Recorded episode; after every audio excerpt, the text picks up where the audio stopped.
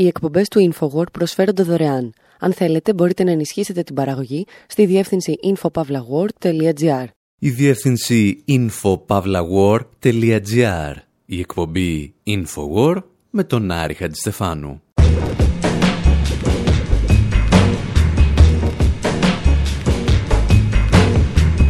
Όπου σήμερα τραγουδάμε σε ρυθμούς εκλογικούς για τις μεγάλες μάχες της κάλπης που έρχονται και ξανάρχονται και φεύγουν. Ακούμε τραγουδάκια εύθυμα και λιγότερο εύθυμα που γράφτηκαν για κάποια εκλογική αναμέτρηση και καλλιτέχνες που μετάνιωσαν για αυτό που ψήφισαν ή που δεν ψήφισαν. Υποψιαζόμαστε ότι ενώ στο παρελθόν ο κόσμος αισθάνονταν θλίψη όταν το κόμμα του έχανε τις εκλογές, σήμερα ενδέχεται να παραμένει σκυθροπός και όταν το κόμμα του κερδίζει τις εκλογές. Ταξιδεύουμε με αυτό, με τους Τσαμπαουάμπα στις κάλπες της δεκαετίας του 80 και ψηφίζουμε τον υποψήφιο του ρυθμού μαζί με την Έλα Φιτζέραλ. Πρώτα όμως, μια επιλογή που έκανε για αυτές τις ευρωεκλογές, το Spotify.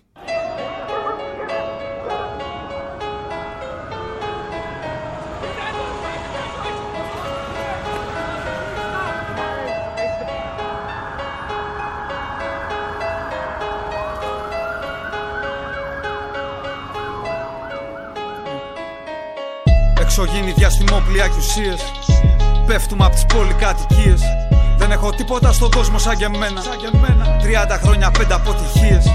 Το μυαλό μου είναι το μόνο που αξίζει. Τόσο ραδιενεργό που φωσφορίζει. Φοβούνται πως δεν θα έχω τι να πω. Λες και ο κόσμος σταμάτησε να γυρίζει. Δεν έχω τίποτα στον κόσμο σαν και εμένα. Τίποτα στον κόσμο σαν και εμένα. Ρώτησε τα αδέρφια μου ένα-ένα. Δεν έχουν τίποτα στον κόσμο σαν και εμένα. Τίποτα στον κόσμο σαν για αυτούς Τίποτα στον κόσμο σαν για αυτούς. Ξέρουνε τους δρόμους σαν το σπίτι τους. Έμαθα σαν ξέρω από τους καλύτερους. Δεν φταίει το σχολείο για όσα μπόρεσα. Φταίει που πεινούσα και δεν χόρτασα. Βρήκα δέκα λέξεις και τις κόλλησα. Τώρα πίνω πατέρας που δεν γνώρισα. Κολλημένος, κολλημένος, κολλημένος. Το τρέχω σαν να είμαι κυνηγημένος. Ο πλανήτης επικίνδυνο μέρος. Πως γίνεται και νιώθω ευλογημένος. PS4 στο νέο τσαρδί Τώρα μ' ζω απ' τη μουσική μου. Πληρωμένοι όλοι οι λογαριασμοί μου. Θα πεθάνω αν δεν με νιώθουν οι δικοί μου. Όπως με κρίνω εγώ ποιος θα με κρίνει; Είναι από το δρόμο και στο δρόμο θα μείνει Με φυλάει και μου λέει έχεις ευθύνη Δεν έχω τίποτα στον κόσμο σαν εκείνη. Ελλάδα ευχαριστούμε για την έμπνευση. Διασχίζουμε τους δρόμους σαν παρέλαση. Δέκα εκατομμύρια σαν και εμάς. Να ξυπνάνε να σου κλέβουνε το κάς Προσευχόμαστε γι' αυτό σαν να πιστεύουμε. Ρώτησε το Skype μέσα στο στούντιο χορεύουμε. Κότσο μου λέγε σε σένα εμπιστεύομαι. Σου είπα θα τα μοιραστούμε όταν τα καταφέρουμε. Κερδίζουμε σε αυτό σαν να είναι σπορ. 23-10 χάνουνε στο σκορ. Η γρή Θεσσαλονίκη είναι το σπίτι μας. Τρέχουν οι σταγόνες από τη μύτη μας. Όπου δούλευα περνούσαν τα ξεφτέρια. Κλείνανε τα μάτια μου στα πιο πολλά νυχτέρια. Ήθελα φράγκα, ζεστά σαν καλοκαίρια. Σαν φαντάρος με μια πώληση στα χέρια. Δεν κοιμόμουν, αυτό το λέω πρόβλημα. Φοβόμουν να μην γίνω μια κοιλίδα στο οδόστρωμα. Ξέρω τον κώδικα, όχι στα μικρόφωνα. Όσοι έκαναν δουλειές πάντα μιλούσαν χαμηλόφωνα. Τώρα τα νότα μου φυλάν μπα και ρεφάρουνε. Όλοι τους. Ποτέ τους δεν το λένε πριν να το κάνουνε. Ακόμα με ρωτάς για ποιους ραπάρουμε. Για αυτούς με τα North Face που δεν έχουν να τα πάρουν. Είμαι παιδί αυτής της γης, δεν θέλω βία. Δεν βλέπω χρώματα, έχω αχρωματοψία. Δεν φοβάμαι ποιος αρθεί να μου την πέσει. Με χαιρετάς σε γλώσσες που δεν ξέρω και μ' αρέσει. Τίποτα στον κόσμο σαν και εμένα. Οι Λέξ από τη Θεσσαλονίκη υποστηρίζουν ότι τους χαιρετάνε στο δρόμο σε γλώσσες που δεν ξέρουν και αυτό τους αρέσει. Και αυτό ήταν το τραγούδι που επέλεξε το Spotify όταν πριν από μερικές εβδομάδες παρουσίασε μία λίστα για τις ευρωεκλογές με 28 τραγούδια από τις 28 χώρες που θα στείλουν αντιπροσώπους τους στο Ευρωπαϊκό Κοινοβούλιο. Πέφτουμε από τις πολυκατοικίες. Ο Αλέξης Πετρίδης, ο μουσικοκριτικός του Guardian, έσπευσε να σχολιάσει τη λίστα. Σημείωσε ότι η Ευρώπη ίσως να μην έχει ενωθεί πολιτικά, αλλά μάλλον έχει ομογενοποιηθεί μουσικά. Λες και ο κόσμος σταμάτησε να γυρίζει. Με εξαίρεση, είπε το τραγούδι της Κύπρου από τον Μιχάλη Χατζιάννη, που ακούγεται σαν Europop με την παλιωμοδίτικη έννοια του όρου, τα περισσότερα τραγούδια δεν θα ξενήσουν καθόλου το αγγλοσαξονικό ακροατήριο. Τίποτα στον κόσμο σαν για αυτούς. ξέρουνε τους δρόμους Το αν βέβαια αυτή η λίστα, σχολιάζει ο μουσικοκριτικός του Guardian, θα πείσει κάποιον που δεν ήθελε να ψηφίσει να το κάνει, είναι μάλλον αμφίβολο. Το ράπ είναι ο πατέρας που δεν γνώρισα. Και με αυτή την όχι και τόσο αισιόδοξη σκέψη περνάμε στο δεύτερο τραγούδι για εκλογές από τη σημερινή μας λίστα. Η Replacement στο Election Day.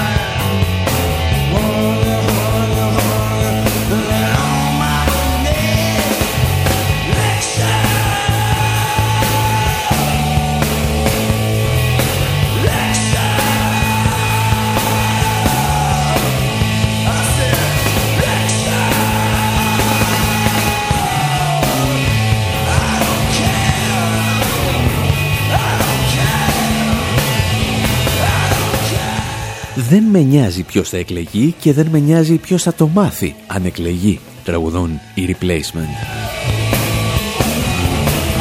Πρόκειται, αν δεν τους γνωρίζετε, για ένα συγκρότημα που θα δημιουργηθεί το 1979, αρχικά σαν τμήμα της punk σκηνής. Πολλοί όμως υποστηρίζουν σήμερα ότι έπαιξε καθοριστικό ρόλο στη γέννηση της alternative rock. Το βέβαιο είναι ότι έκαναν τα πρώτα τους μουσικά βήματα σαν replacement όταν οι Αμερικανοί ψηφοφόροι καλούνταν να επιλέξουν ανάμεσα στον Ρόναλντ Ρίγκαν και τον Τζιμι Κάρτερ στις προεδρικές εκλογές του 1980. Μην σου τύχει δηλαδή να πρέπει να επιλέξεις για ηγέτη της χώρας σου ανάμεσα σε έναν επαγγελματία ηθοποιό και έναν μη επαγγελματία ηθοποιό. Ένα δίλημα που μπορεί να σε οδηγήσει στην τοξικοεξάρτηση. Περίπου δηλαδή ότι έπαθε και ο Λιλ Λόβετ περιμένοντας την ημέρα των εκλογών. Και αυτό το τραγούδι λέγεται Election Day. Hey, Mr. Policeman, please don't take my stuff. It costs me too much money and it probably ain't enough to get me through election day. Didn't I hear you say it's alright, it's alright, it's alright? No, it wouldn't weigh a thing, it's hardly worth your time. My luck's been bad, the telephone just kept my only dime, and there might be a burglary. Why don't you just go and see? Be alright, be alright, be alright.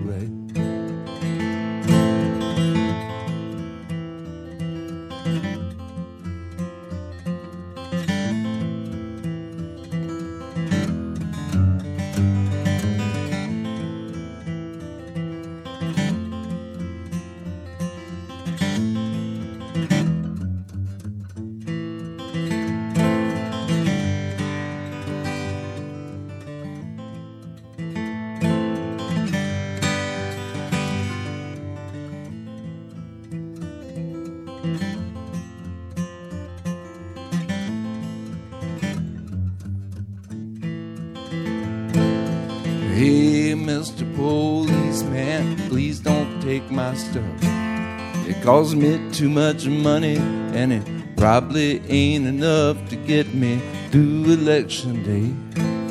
And didn't I hear you say, it's alright, it's alright, it's alright? Hey, Mr. Policeman, please don't take my stuff. It costs me too much money, and it probably ain't enough to get me through election day. And didn't I hear you say, it's alright, it's alright, it's alright? Hey, Mr. Policeman, please don't take my stuff. It costs me too much money, and it probably ain't enough to get me through election day. And didn't I hear you say, it's alright, it's alright, it's alright. Κύριε Πολιτσμάνε μου, τραγουδά ο Λίλ μη μου πάρεις τα ναρκωτικά μου. Μου στήχησαν πολλά χρήματα και πιθανότατα δεν θα μου φτάσουν για να αντέξω μέχρι την ημέρα των εκλογών. Για τον Λι Λίβετ, που μάλλον δεν θυμάστε ποιος είναι, αλλά θα τον θυμηθείτε αν τον δείτε, δεν έχουμε και πολλά να σας πούμε.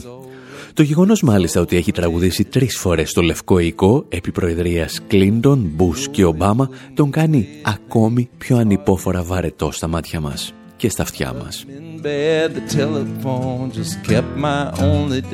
Και γι' αυτό προχωράμε στο τρίτο τραγούδι της ημέρας, το οποίο δεν λέγεται Election Day όπως τα δύο προηγούμενα, αλλά Election Night. Και αν είχατε μια μικρή προεκλογική ή μετεκλογική κατάθλιψη, ανάλογα με το πότε ακούτε την εκπομπή, αυτό το τραγούδι μπορεί να σας αποτελειώσει.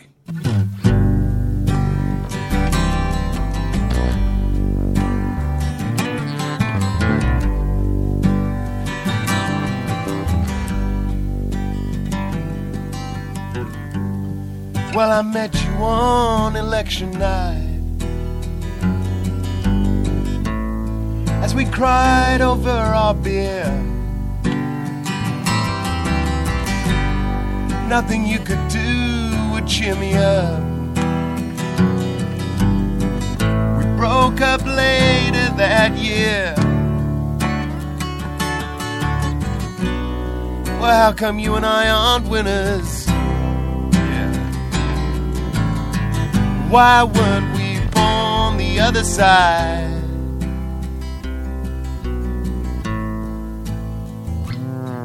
And it's raining.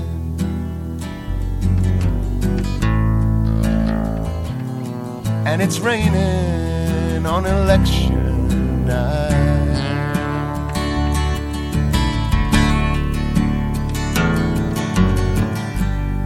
You fight, but nothing changes. When it does, the payback is worse. We arrived here in the limo. We're going back home in a hearse. You know, we're leaving none the wiser. I guess that we're just not that bright.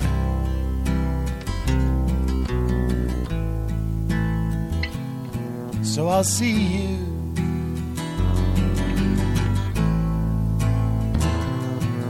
I see you come election night.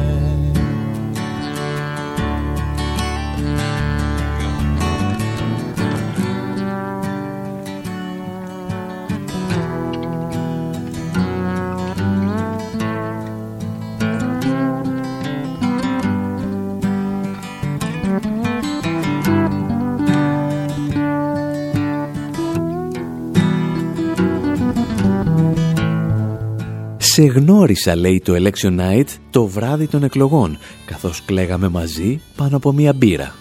Ήμασταν ιτημένοι και έβρεχε. Παλεύεις και παλεύεις και δεν καταφέρνεις τίποτα, συνεχίζει ο τραγουδιστής. Και αν καμιά φορά τα καταφέρεις, το αποτέλεσμα είναι ακόμη χειρότερο. Πρόκειται δηλαδή για μια διαφορετική διατύπωση από τον περίφημο νόμο του Μέρφυ, πως ό,τι μπορεί να πάει στραβά θα πάει και αν δεν πάει θα ήταν πολύ καλύτερα αν είχε πάει. Ο τραγουδιστής, αν είστε λάτρης των μικρών ασήμαντων λεπτομεριών, λέγεται Wesley Stace, αλλά παρουσιάζεται σαν John Wesley Harding όπου John Wesley Harding λεγόταν ένα άλμπουμ του Bob Dylan προς τιμήν του Αμερικανού φυγά Wesley Harding. Το πρόβλημα είναι ότι ο Dylan έγραψε λάθος το όνομα του Harding στο εξώφυλλο του δίσκου προσθέτοντας ένα τελικό G. Για αυτό ο Wesley Stace που παρουσιάζεται ως John Wesley Harding ονόμασε το δικό του άλμπουμ Dylan Blob.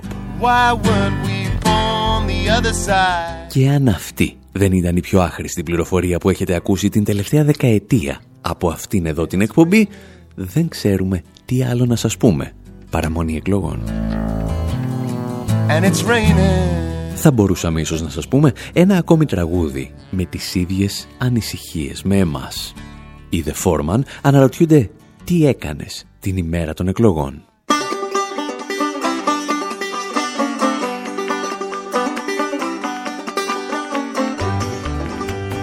What did you do on election day, oh dear brother of mine? What did you do on election day, my darling brother? I kicked the pamphlets off the porch and read the latest Forbes and Fortune. Went to work on my tan, felt distinctly disenfranchised, threw my Bee Gees records away. That's what I did on election day. That's what I did last Tuesday.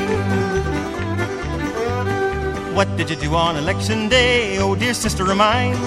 What did you do on election day, my darling sister? I met the girls at the courts, wrote a note to Arnold Schwarzenegger, caught up on my soaps, pinched my cheeks and dashed my hopes, threw my sample ballot away. That's what I did on election day. That's what I did last Tuesday.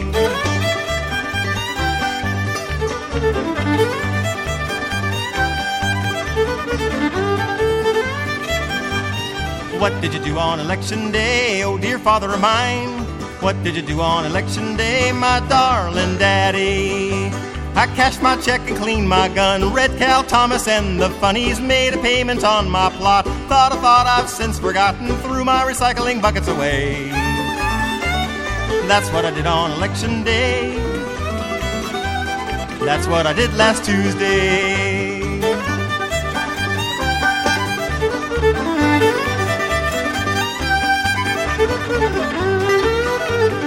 What did you do on election day, oh dear cousin of mine? What did you do on election day, my distant cousin?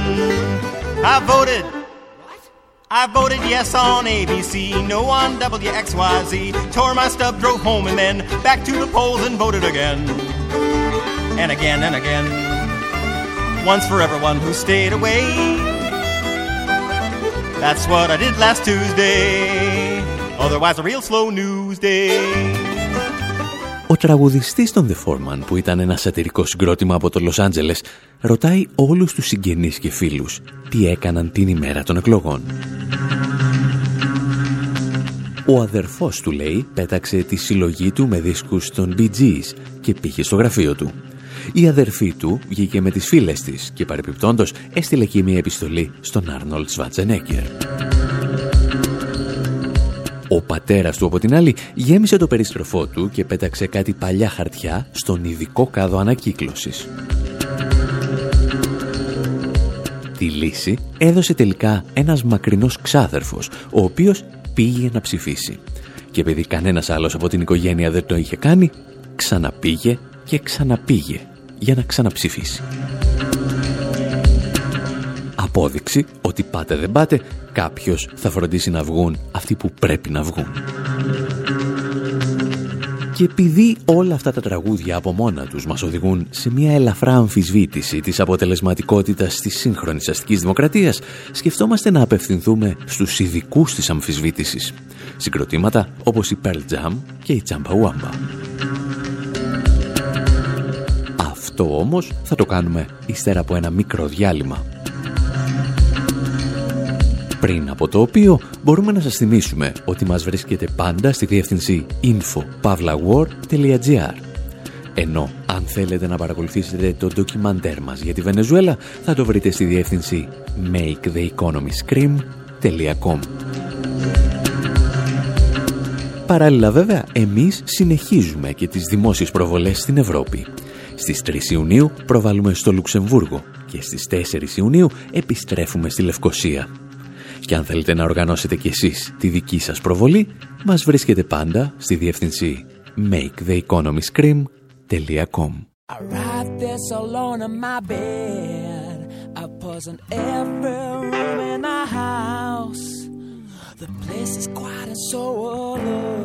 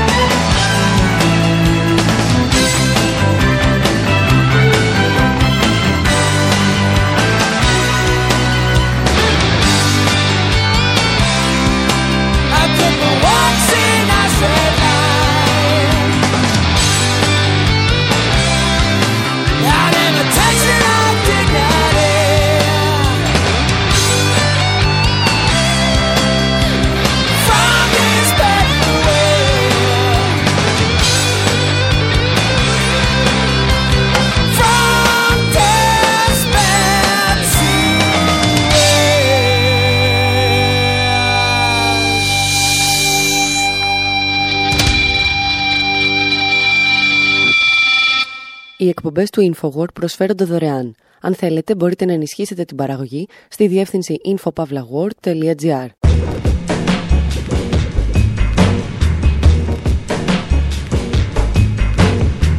Εκπομπή Infowar, μέρος δεύτερο. Όπου ανανεώνουμε τη μουσική μας δισκοθήκη για πρώτη φορά εδώ και πάρα πολλά χρόνια. Διαπιστώνουμε ότι οι ρυθμοί παραμένουν οι ίδιοι, αλλά το κλίμα είναι λίγο πιο blues και σκοτεινό. Παρακολουθήσαμε συγκροτήματα που κλαίνε πάνω από μια κάλπη, άλλους που δεν ψήφισαν και κάποιους που ψήφισαν περισσότερες από μία φορές. Για να σας ξαναβάλουμε όμως το κλίμα, ξεκινάμε με αυτό που κάποτε αποτελούσε τον απόλυτο ύμνο κάθε προεκλογικής εκστρατείας. Οι Τσαμπαουάμπα τραγουδούν Always tell the voter what the voter wants to hear. Πάντα να λες στον ψηφοφόρο αυτό που θέλει να ακούσει.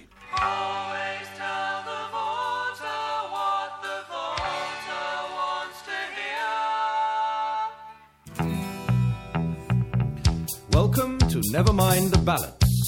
The phone lines are now open. If you'd like to put a question to the candidates, the number to ring is 0532 779 463.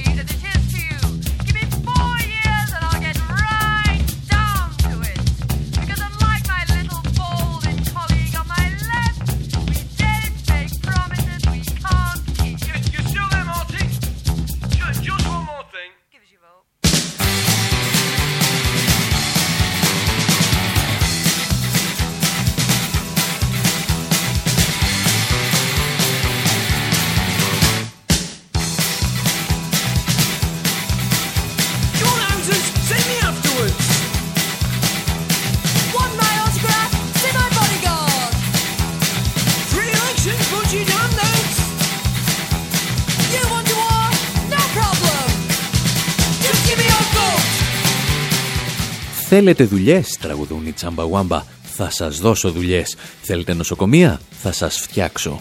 Θα κόψω τους φόρους στις μικρές επιχειρήσεις και θα σας μοιράσω παπούτσια πλατφόρμες.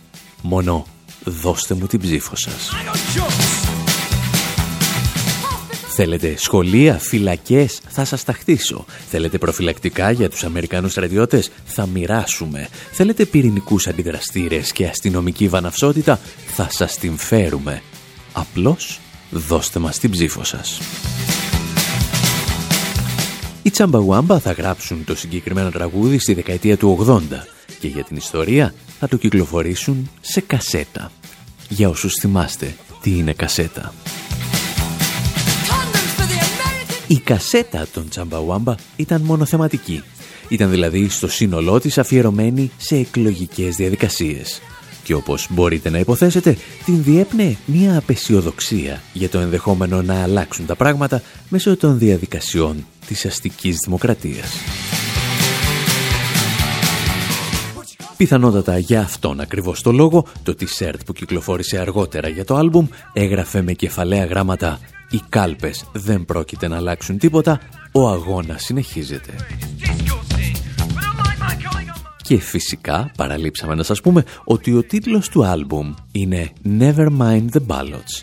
Μην ασχολείσαι με τις κάλπες. Μια παράφραση του περίφημου «Never mind the bollocks» των Sex Pistols. four years and I'll get right down όπου bollocks είναι τα ανδρικά «Never mind». Και επειδή τα παιδιά έκαναν τόση δουλειά να αφιερώσουν ένα ολόκληρο άλμπουμ στις εκλογές, λέμε να ακούσουμε ένα ακόμη κομματάκι. Για εκείνες τις στιγμές που οι υποψήφοι, λέει, τα βρίσκουν μεταξύ τους.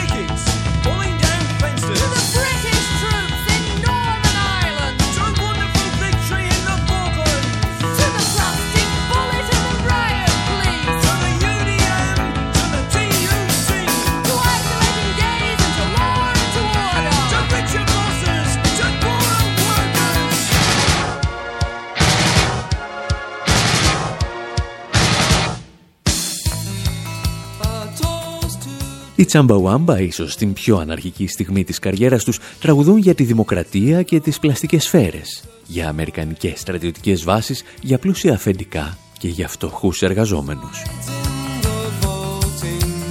Η ιστορία όμως προχωρά και πρέπει να ακούσουμε ένα ακόμη τραγούδι σταθμό για τις εκλογικές αναμετρήσεις. Η Radiohead στο Electioneering.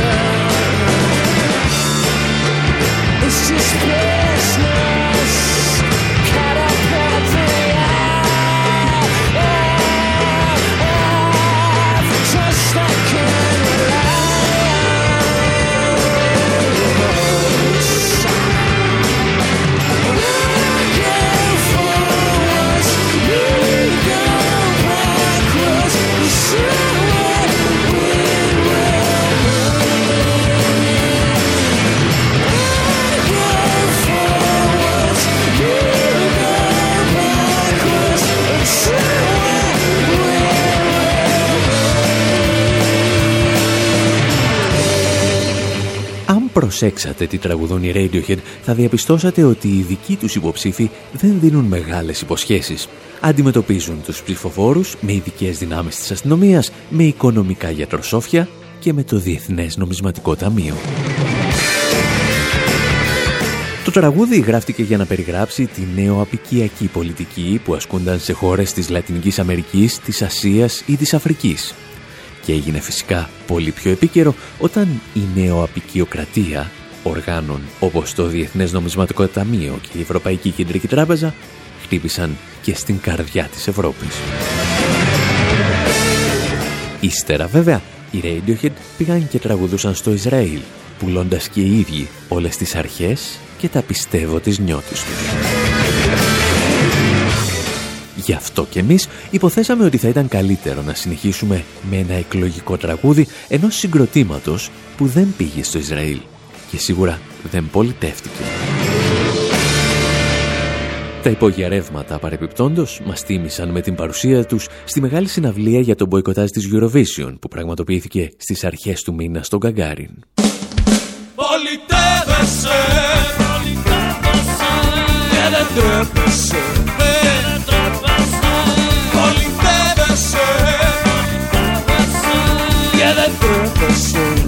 δεν τρέπεσαι Φωνάζεις στα μπαλκόνια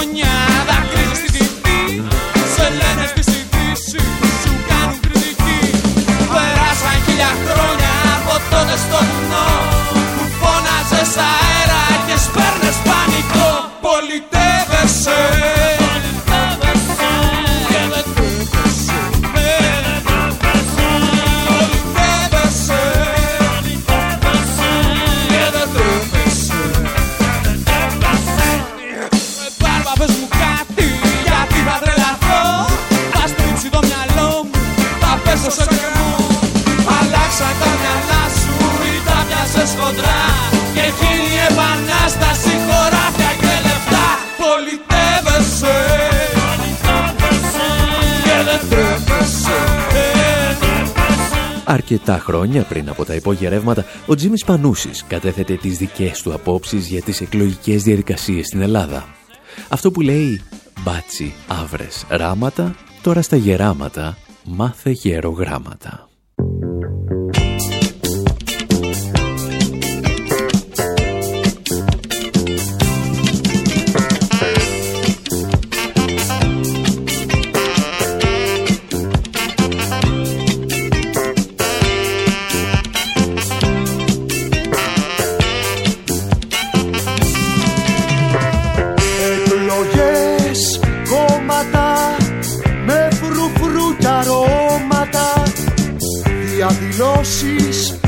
Πτώματα μ' ανοιγμένα στόματα.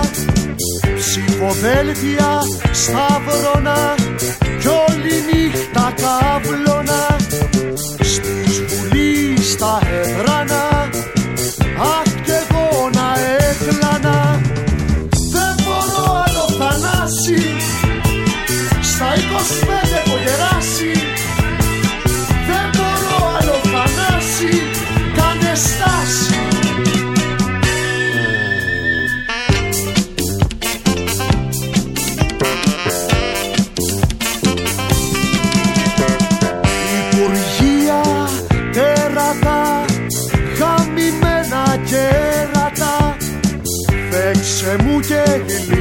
γλίστρισα ως της γης τα πέρατα.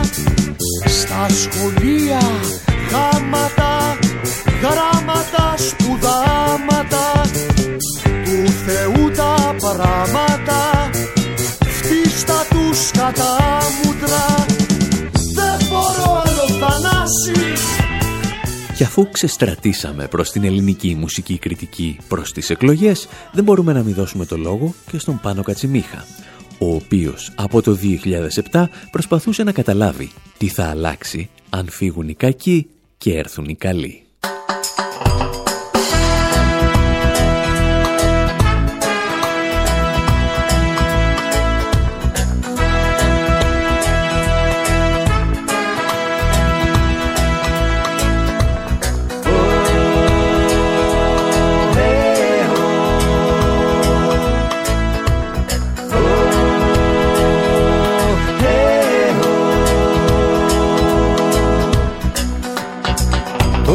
Φεύγουνε, τώρα που φεύγουνε Τώρα που φεύγουν οι κακοί και θα έρθουν οι εντάξει.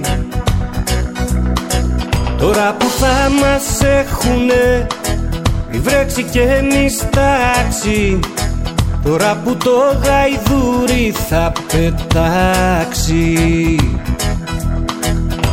Και εν τω μεταξύ κυλάει η ζωή Και οι πλούσιοι πιο πλούσιοι. Και οι φτωχοί φτωχότεροι Καταχρεωμένοι. Τελείως τρελαμένοι Ποδοπατημένοι Λέει λατημένοι Δεν νιώθουνε γιατί Δεν νιώθουνε γιατί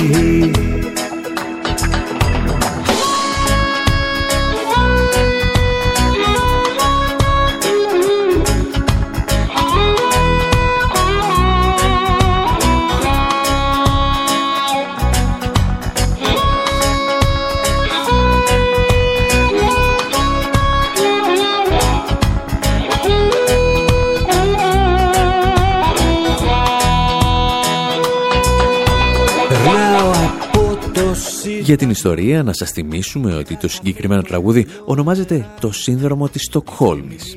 Εκείνο το ψυχολογικό φαινόμενο κατά το οποίο όμοιροι εκφράζουν συμπάθεια και θετικά συναισθήματα προς τους απαγωγείς τους. Μερικές φορές μάλιστα φτάνουν σε σημείο να τους υπερασπίζονται και να ταυτίζονται μαζί τους. σκέφτομαι Διέξοδο πάντως σε όλα αυτά έρχεται να δώσει η Έλα Φιτζέραλτ που θα μας απομακρύνει και πάλι από την Ελλάδα με την πρότασή της να ψηφίσουμε τον κύριο ρυθμό.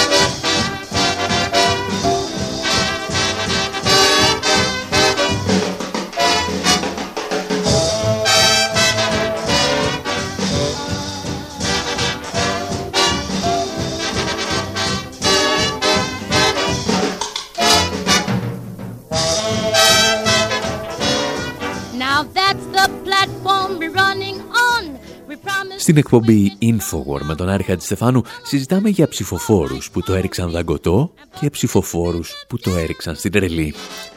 Διαπιστώνουμε μια γενική τάση του καλλιτεχνικού κόσμου να μην πείθεται με τα αποτελέσματα της κάλπης, τουλάχιστον στα τραγούδια τους.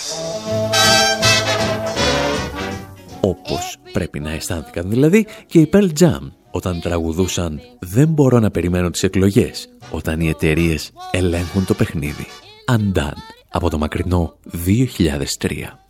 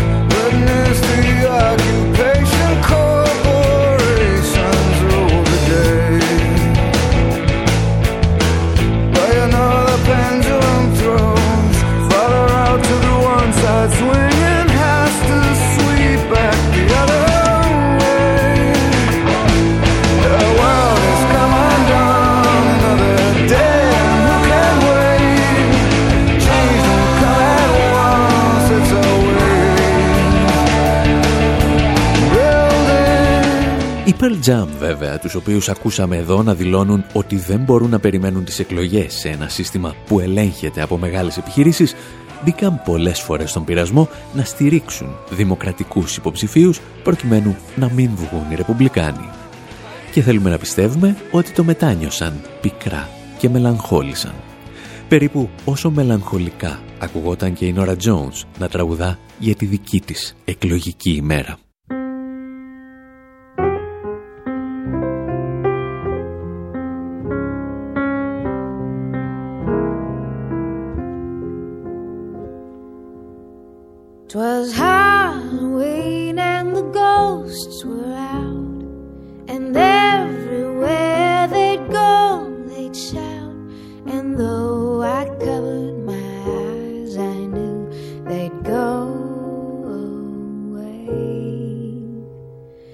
But fear's the only thing I saw, and three days later was clear to all that nothing is as scary as election day. But the day after is darker, and darker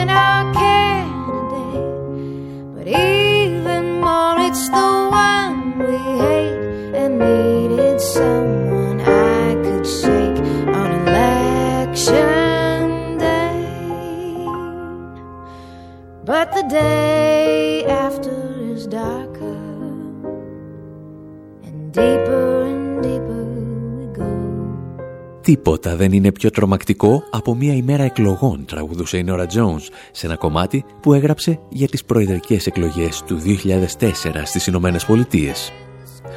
Αναγκάστηκε όμως να το τραγουδήσει με ακόμη μεγαλύτερο τρόμο στις τελευταίες προεδρικές εκλογές εναντίον του Ντόναλτ Τραμπ. Κάπου εδώ όμως, εμείς θα σας αφήσουμε και για αυτή την εβδομάδα να αποφασίσετε μόνοι σας τι θα κάνετε μπροστά στην κάλπη ή τι κάνατε μπροστά στην κάλπη εάν ακούτε την εκπομπή μετά τις εκλογές. Από τον Άρη Χατζηστεφάνου στο μικρόφωνο και τον Δημήτρη Σταθόπουλο στην τεχνική επιμέλεια, γεια σας και χαρά σας.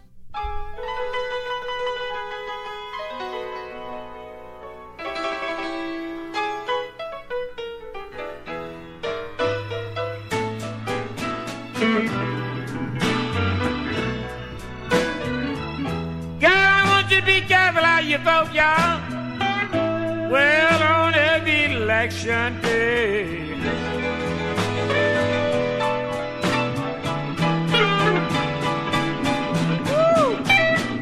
Be careful how you vote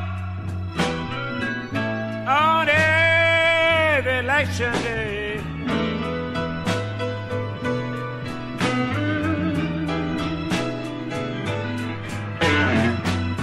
the one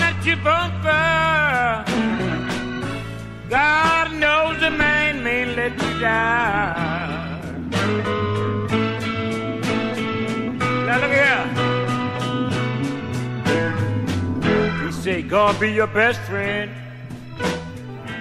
Gonna help you in every way he can. But when he takes a seat just the other way, be careful how you vote every ah. Election day.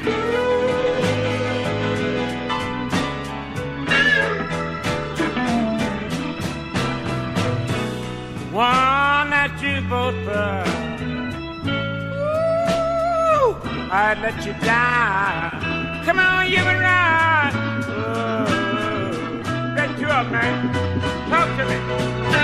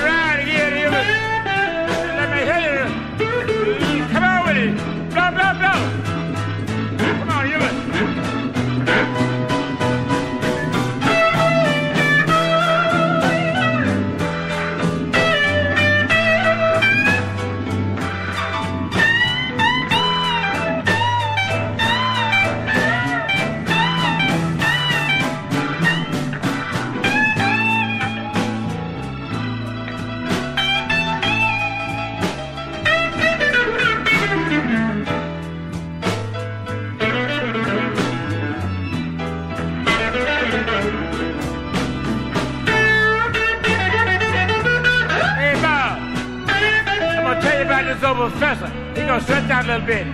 Let me hear you ride, Professor, ride.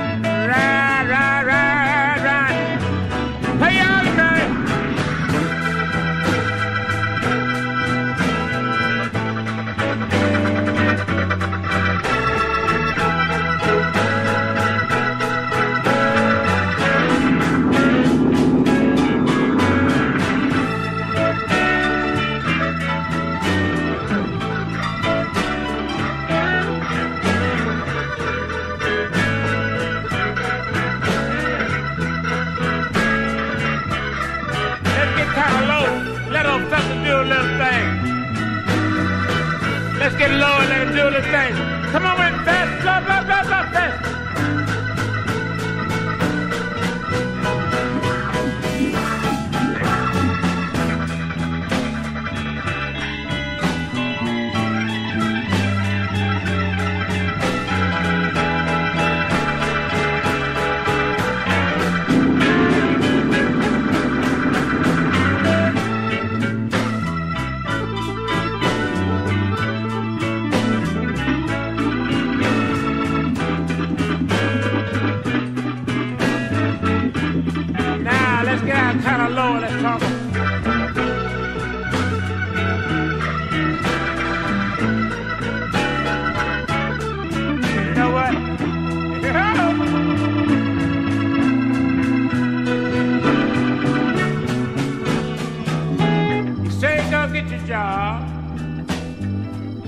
Help the cost of living too. Man say go help the blind senior citizens too. But when it gets in office, y'all, you know it's just the other way. Well, he can't do no more. He rich and you poor.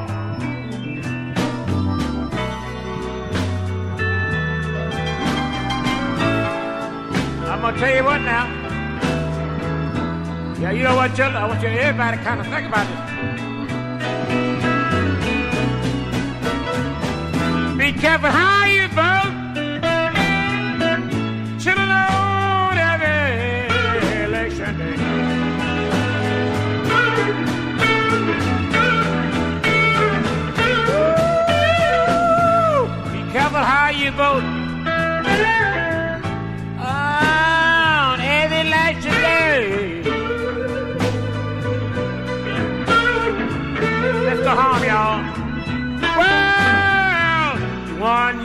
for Bob Story. Hey, hey.